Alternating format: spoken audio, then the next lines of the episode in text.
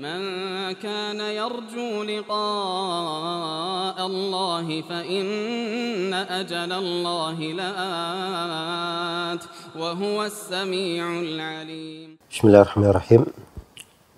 الحمد لله رب العالمين والصلاة والسلام على المبعوث رحمة للعالمين نبينا محمد وعلى آله وصحبه ومن تبعهم بإحسان إلى يوم الدين. أما بعد kaum muslimin dan muslimat, para pendengar dan seluruh pemirsa yang menyaksikan acara ini. Assalamualaikum warahmatullahi wabarakatuh. Dua ayat di dalam Al-Quranul Karim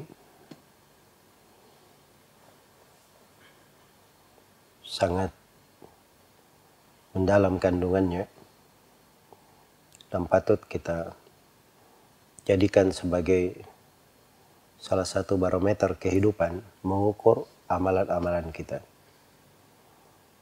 Karena di dalamnya terdapat perkara yang sangat berbahaya sekali apabila kita tidak memperhatikannya. Allah Subhanahu wa taala berfirman,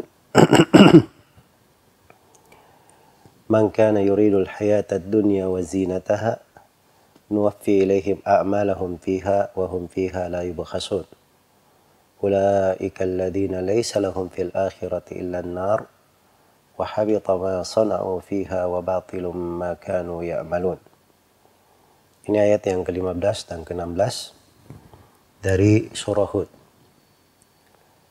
Terjemahan makna ayat Man kana yuridul hayatad dunya siapa yang menghendaki kehidupan dunia wazinataha dan perhiasannya gemerlapnya. Nuwaffi ilaihim a'malahum fiha maka kami akan sempurnakan pembalasannya untuk amalan mereka di dalamnya. Wahum fiha la dan mereka tidak dikurangi. Beri balasan sempurna tidak dikurangi. Tapi ulaika alladziina laisa lahum fil akhirati. Mereka ini adalah orang-orang yang tidak ada bagiannya di akhirat kecuali neraka. Wa ma sana'u fiha. Hancur amalan yang mereka lakukan di dalamnya, perbuatan mereka, wabatilum makanu ya'malun dan batal dari amalan-amalan mereka. Ini subhanallah dahsyat sekali. Terkait dengan orang yang beramal dengan amalan baik, amalan yang salih, amalan ketaatan Tapi bersamaan dengan itu disebutkan tidak ada bagiannya di akhirat kecuali neraka. Hancur seluruh perbuatannya dan batil apa yang mereka lakukan. Masalahnya di mana? Karena dia maksudkan untuk amalannya perkara dunia. Tidak dia inginkan dengannya mengharap wajah Allah Subhanahu wa taala. Dan ini perlu kita renungi. Apalagi bulan Ramadan ini salah satu hikmah terbesar di dalamnya adalah seorang menjaga keikhlasannya, menjaga ketulusannya. Karena itu pahala puasa, sholat malam, menghidupkan Lailatul Qadar, dijamin dengan pengampunan dosa itu ada syaratnya. Dikatakan imanan wahtisaban. Dia melakukan amalan-amalan itu karena keimanan dan semata mengharap pahala itu keikhlasan. Karena itu puasa dikatakan rahasia antara seorang hamba dengan Allah. Karena puasa ini lebih mengarah kepada keikhlasan. Tidak ada yang tahu bahwa dia puasa hakikat dia puasa atau tidak cuma antara dia dengan Allah. Memang zahirnya kelihatan mungkin dia tidak makan, tidak minum. Tapi hal yang tersembunyi tidak dia tahu. Karena itu rahasia antara dia dengan Allah subhanahu wa ta'ala. Hanya puasa ini mengajak untuk ikhlas. Dan dari pendidikan ikhlas, fikih yang mendalam yang harus dipahami adalah dua ayat yang mulia ini yang sangat mendalam kandungannya. Sangat dahsyat di dalam maknanya. Harusnya membuat kita berhati-hati. Jangan sampai kita beramal menghendaki dunia, menghendaki selain Allah Subhanahu wa taala. Walaupun amalan saleh, amalan ketaatan, amalan baik sholat, puasa, sedekah. Tapi kalau tidak diinginkan dengannya wajah Allah, dia mengharapkan dengannya dunia dan gemerlapnya, maka seperti yang disebutkan di dalam ayat. Tidak ada bagiannya di akhirat kecuali neraka, hancur seluruh perbuatannya dan batil seluruh amalannya. Nasallallahu al-afiyah wassalamah. Iya. Ini kata para ulama, ayat ini mencakup empat golongan. Mencakup empat golongan. Yang beramal amalan akhirat guna meraih dunia di dalam ayat itu mencakup empat golongan. Golongan yang pertama adalah orang yang beramal dengan amalan yang salih. Dia ikhlas dalamnya dia ikhlas di dalamnya. Tetapi dia mengharapkan dengan amalannya dunia. Mengharapkan dengan amalannya dunia.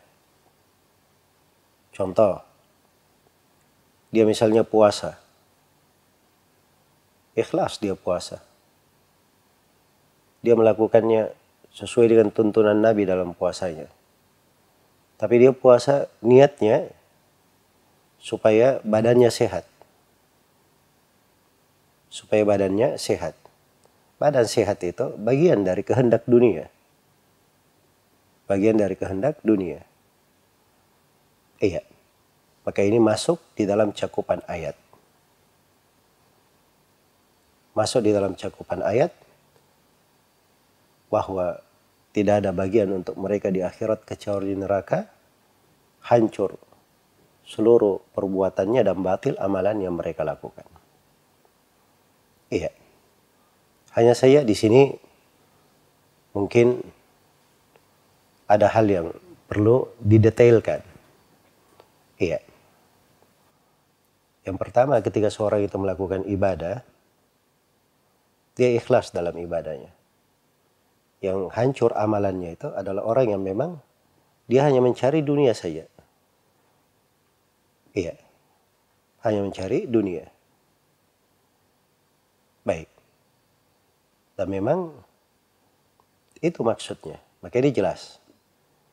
Hal yang kedua, ada orang yang beramal di amalan salih, dia ikhlas.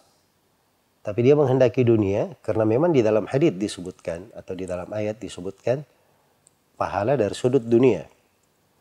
Misalnya Siapa yang sholat duha di awal hari empat rakaat, maka Allah akan cukupi perkaranya di siang hari. Ya konteks dari hadis lebih luas ya mencukupi perkaranya. Boleh dijaga, boleh diberi rezeki.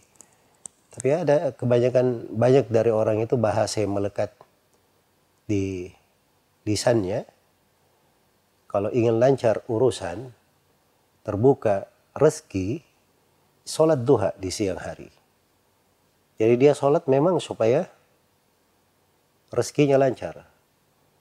Dia pergi apa namanya mau ke pasar, sholat duha dulu supaya lancar dagangannya di pasar.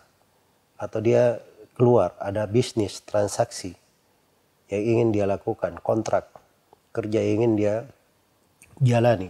Dia sholat duha dulu untuk hal tersebut. Memang cuma dunia yang dia inginkan Iya. Tapi dalam sholatnya dia ikhlas karena sholatnya.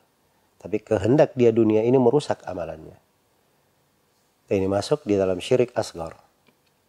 Masuk di dalam syirik kecil. Iya. Kalau dia semata dunia. Terus yang benarnya bagaimana? Yang benarnya dia beramal dengan amalan akhirat. Dia kehendaki dengannya akhirat. Adapun dunia yang dijanjikan pahala, itu tidak usah dia pikirkan. Tidak usah dia pikirkan. Jangan menjadi asas. Jangan menjadi dasar. Jangan menjadi dasar. Itu yang keliru kalau menjadi asas amalannya dan dasar dia berbuat. Dia sholat duha untuk dapat rezeki. Iya. Nah, itu dunia namanya. Tapi kalau dia sholat duha karena ikhlas karena Allah, karena itu dianjurkan oleh Nabi, ya kebaikannya banyak disebut oleh Nabi. Nah, mengingat kebaikannya nggak ada masalah sepanjang dasarnya itu adalah ikhlas. Karena itu Nabi Shallallahu Alaihi Wasallam sendiri bagi sahabat yang ikut perang itu dikasih jatah rampasan perang. Bagi sahabat misalnya di medan pertempuran dia mengalahkan seorang musuh, maka yang melekat di badan musuh itu menjadi miliknya. Itu kan dunia sebenarnya. Ya, tapi itu tidak dipermasalahkan karena asal mereka berjihad adalah untuk meninggikan kalimat Allah.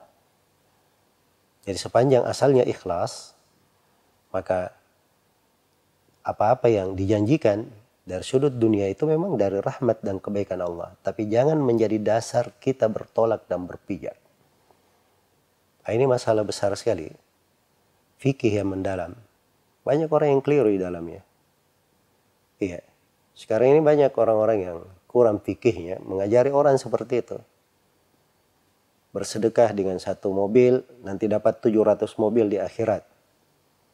Nah, itu betul ada haditnya tentang seorang sahabat yang menginfakkan satu ekor unta di jalan Allah maka Nabi berkata kepadanya engkau akan dapat 700 unta pada hari kiamat. Tapi bedakan sahabat ini datang dia ikhlas membawa untanya. Dia mungkin tidak pernah berpikir sesuatu dunia, tapi ini dia pengen dapat 700 mobil di dunia berinfak supaya lancar hartanya. Pergi umroh supaya lancar urusannya, terbuka rezekinya. Iya. Nah, ini semuanya dari perkara-perkara dunia. Jangan seseorang meniatkan pada asasnya, pada dasar niatnya, pada amalannya untuk dunia. Dia niat untuk Allah, ikhlas karena Allah. Dia lakukan amalan itu karena Allah. Setelah itu tidak usah dia pikir, dunia itu akan datang di belakangnya. Apa-apa yang dia Allah apa-apa yang dijanjikan oleh Allah dan Rasulnya pasti dia dapatkan. Nah, begitu cara beramal yang benar. Dan itu bimbingan hati. Bimbingan hati. Karena itu kadang sebagian penceramah juga keterlaluan di dalam mengajak orang. Hanya diberi motivasi dari balasan-balasan, mereka lupa untuk mengingatkan mana ikhlas makna seorang itu menghendaki akhirat di belakang amalannya. Hanya diberi iming-iming dunianya saja. Dan itu adalah hal yang keliru. Nabi Shallallahu Alaihi Wasallam dan para sahabatnya ya tidak memberikan makna yang seperti itu. Kalaupun Nabi memberikan janji di dalam sebuah hadis terkait dengan uh, perkara dunia, maka itu sudah dimaklumi dari wejangan beliau bahwa itu bukan terkait dengan amalannya. Iya itu pelaku amalan dan amalan yang dia kerjakan itu dia lakukan ikhlas karena Allah mengharapkan Allah Subhanahu wa taala dan akhirat. Baik, ini golongan yang pertama yang tercakup di dalam ayat. Orang yang beramal dunia, beramal ibadah ketaatan, dia ikhlas mungkin dalam ketaatannya, tapi dia inginkan dengannya dunia. Ya. Yang kedua, nah ini lebih jelas lagi yang kedua, adalah orang yang beramal dengan amalan salih tapi yang diinginkan dengannya harta. Diinginkan dengannya harta. Seperti dia belajar ilmu syariat, dia sekolah, ya. Tujuannya apa? Supaya dia dapat pekerjaan, supaya dia dapat penghasilan. Nah, ini tidak ikhlas namanya dalam belajar orang belajar itu apalagi kalau ilmu agama yang pertama untuk mengangkat kejahilan dari dirinya. Untuk meraih ridho Allah dan Rasulnya karena Allah cinta orang yang belajar. Allah tidak menyenangi orang-orang yang bodoh tidak belajar. Ya. Dia niat dengan niat yang baik. Kalau ternyata setelah dia belajar dia ini orang-orang perlu kepadanya. lalu ada pekerjaan yang cocok untuknya, maka itu enggak ada masalah. Sebab dari asalnya dia tidak meniatkan untuk itu. Dan di dalam kehidupan ini, Allah subhanahu wa ta'ala tidak pernah menelantarkan orang-orang yang bertakwa. Orang-orang yang lurus di atas jalannya.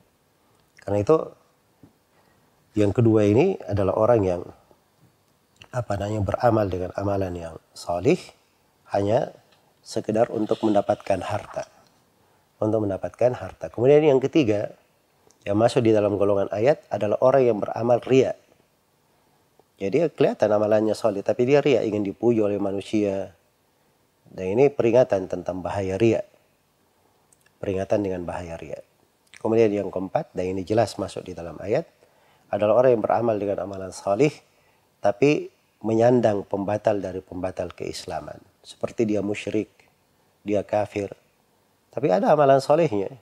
Ada orang-orang kafir gemar bersedekah, banyak berbuat baik, memberi pengobatan gratis, memberi uh, bimbingan gratis, kemudian memberi santunan kepada orang-orang yang lemah, orang-orang yang kena musibah. Itu banyak terjadi, tapi kekafiran dan kesyirikan mereka itu menghalangi seluruh kebaikan itu untuk sampai kepada mereka. Itu sampai kepada mereka. Maka ini ayat luar biasa. Sangat dahsyat sekali man kana yuridu al-hayata dunya wa zinataha nuwaffi ilaihim a'malahum fiha. Siapa yang menghendaki kehidupan dunia dan perhiasannya, Allah akan sempurnakan pembalasannya pada amalannya. Wa hum fiha la yubkhasun. Dan mereka tidak akan dikurangi. Ulaika alladziina laisa lahum fil akhirati illa nar Mereka inilah orang-orang yang tidak ada bagiannya di akhirat kecuali neraka wa habita ma sana'u fiha wa batilum ma kanu ya'malun. Hancur seluruh perbuatan mereka dan batil amalan yang mereka lakukan. Nah, ayat ini juga menjelaskan bahwa seorang itu kadang terfitnah. Jadi subhanallah dari fitnahnya itu kadang seorang beramal salih dia hendaki dunia Allah beri betul dunianya. Diberi betul rezekinya. Iya. Karena dijanjikan kalau mau dapat dunia dikasih dunia. Tapi ingat di akhirat tidak ada bagiannya kecuali neraka. Tidak ada bagiannya kecuali neraka. Man kana yuridul ajila ta'ajjalna lahu fiha ma nasha'u liman nurid thumma ja'alna lahu jahannama yaslaha matmuman madhura. Barang siapa yang menghendaki kehidupan dunia yang segera, kami segerakan balasannya di dunia itu bagi siapa yang Allah kehendaki. Tapi di akhirat kelak kami akan memasukkannya ke dalam neraka yang menyala-nyala. Iya. Ini subhanallah dari suatu hal yang patut kita renungi. Harus kita cermati. Karena itu dari ayat ini juga kita mengambil pelajaran jangan tertipu dengan dunia yang kita dapatkan. Karena kalau kita dapat dunia, itu bukan bukti Allah ridho kepada kita. Dunia itu diberikan kepada orang kafir, kepada mukmin. Bahkan kadang sebagian kafir lebih banyak diberi dunia. Lebih banyak diberi dunia. Tapi itu bukan bukti bahwa Allah cinta kepada mereka, Allah ridha kepada mereka. Iya. Yang menunjukkan ridha Allah kepada seorang hamba adalah keikhlasannya. Adalah keimanannya. Dan amalan salihnya yang dia lakukan karena Allah subhanahu wa ta'ala semata. Itulah yang dipuji di dalam banyak tempat di Al-Quranul Karim. Iya. Kemudian yang keempat dari ayat ini juga terdapat uh, dasar di dalam menimbang kehidupan. Bahwa yang diukur itu bukan fisik amalan, bukan zahir dari amalan. Yang di, diukur itu niat pada amalan kita. Ya, karena itu diperhatikan baik-baik terkait dengan niat ini. Tidak usah memperhatikan ucapan manusia. Apalagi di masa sekarang ini, orang-orang itu terlalu banyak memikirkan apa yang dikatakan oleh orang. Karena memang mainnya seperti itu. Mainnya di media, ya selalu melihat komentar, memikirkan apa yang dikatakan oleh orang. Nah, ini dari hal-hal yang bisa merusak. Fisik amalan itu tidak diperlukan. Tapi yang diperlukan uh, bukan menjadi pokok fisik amalan. Yang menjadi pokok yang diperlukan adalah niat orang yang beramal. Sepanjang fisik amalannya sudah sesuai dengan tuntunan Rasulullah Shallallahu Alaihi Wasallam dan niatnya sudah lurus, maka barulah amalan itu syah diterima untuk seorang hamba. Kemudian yang membedakan di ayat ini juga terdapat pelajaran bahwa kita harus pandai membedakan antara sesuatu yang dilakukan dengan niat menghadap wajah Allah dan sesuatu yang dilakukan dengan niat menghendaki dunia. Karena itu Nabi Shallallahu Alaihi Wasallam pernah memberi contoh seorang hamba yang ikhlas. Diberi contoh orang yang berangkat berjihad. Dia ini niatnya adalah agar supaya kalimat Allah paling tinggi. Tidak ada masalah, dia dipasang paling depan, paling belakang, ya di tengah. Dia malah tidak diikutkan peran cuma merawat orang, cuma memberi minum. Nah, itu tidak bermasalah, sama niat, sama pahalanya, sempurna. Karena kembali kepada niatnya itu, kembali kepada keikhlasannya. Dan itulah yang dijaga di dalam syariat kita ini. Iya. Dan ayat ini juga secara umum memberi kepada kita uh, pembahasan fikih yang mendalam tentang pembatal-pembatal amalan, penghancur-penghancur amalan. Ada hal-hal yang bisa menghancurkan amalan kita. Seorang kadang beramal dengan amalan yang besar, amalan yang agung, bersusah payah di dalamnya, tapi subhanallah dia tidak dapat apa-apa. Karena dia melakukan hal yang menghancurkan amalannya apakah itu berupa kesyirikan, berupa ria. Ya seperti di dalam ayat ini ada yang ayat ini mungkin masuk ke dalam syirik akbar, mungkin masuk ke dalam syirik asgar, syirik tersembunyi, tergantung jenis dari kondisi dan keadaannya pada empat golongan yang telah kita sebutkan tadi. Iya. Demikian pula orang yang kalau dia sudah beramal memberi kepada manusia dia selalu mengungkit ya apa yang diberikan. Dan ini semuanya masuk di dalam pembahasan penghancur-penghancur amalan. Dan itu fikih tersendiri. Ada pembahasannya di tengah para ulama. Perlu kajian tersendiri untuk hal itu. Agar supaya kita menjaga kualitas dari amalan kita. Iya. Jangan sampai seorang itu nanti menyesalnya di akhirat. Nasallallahu alaihi wassalam.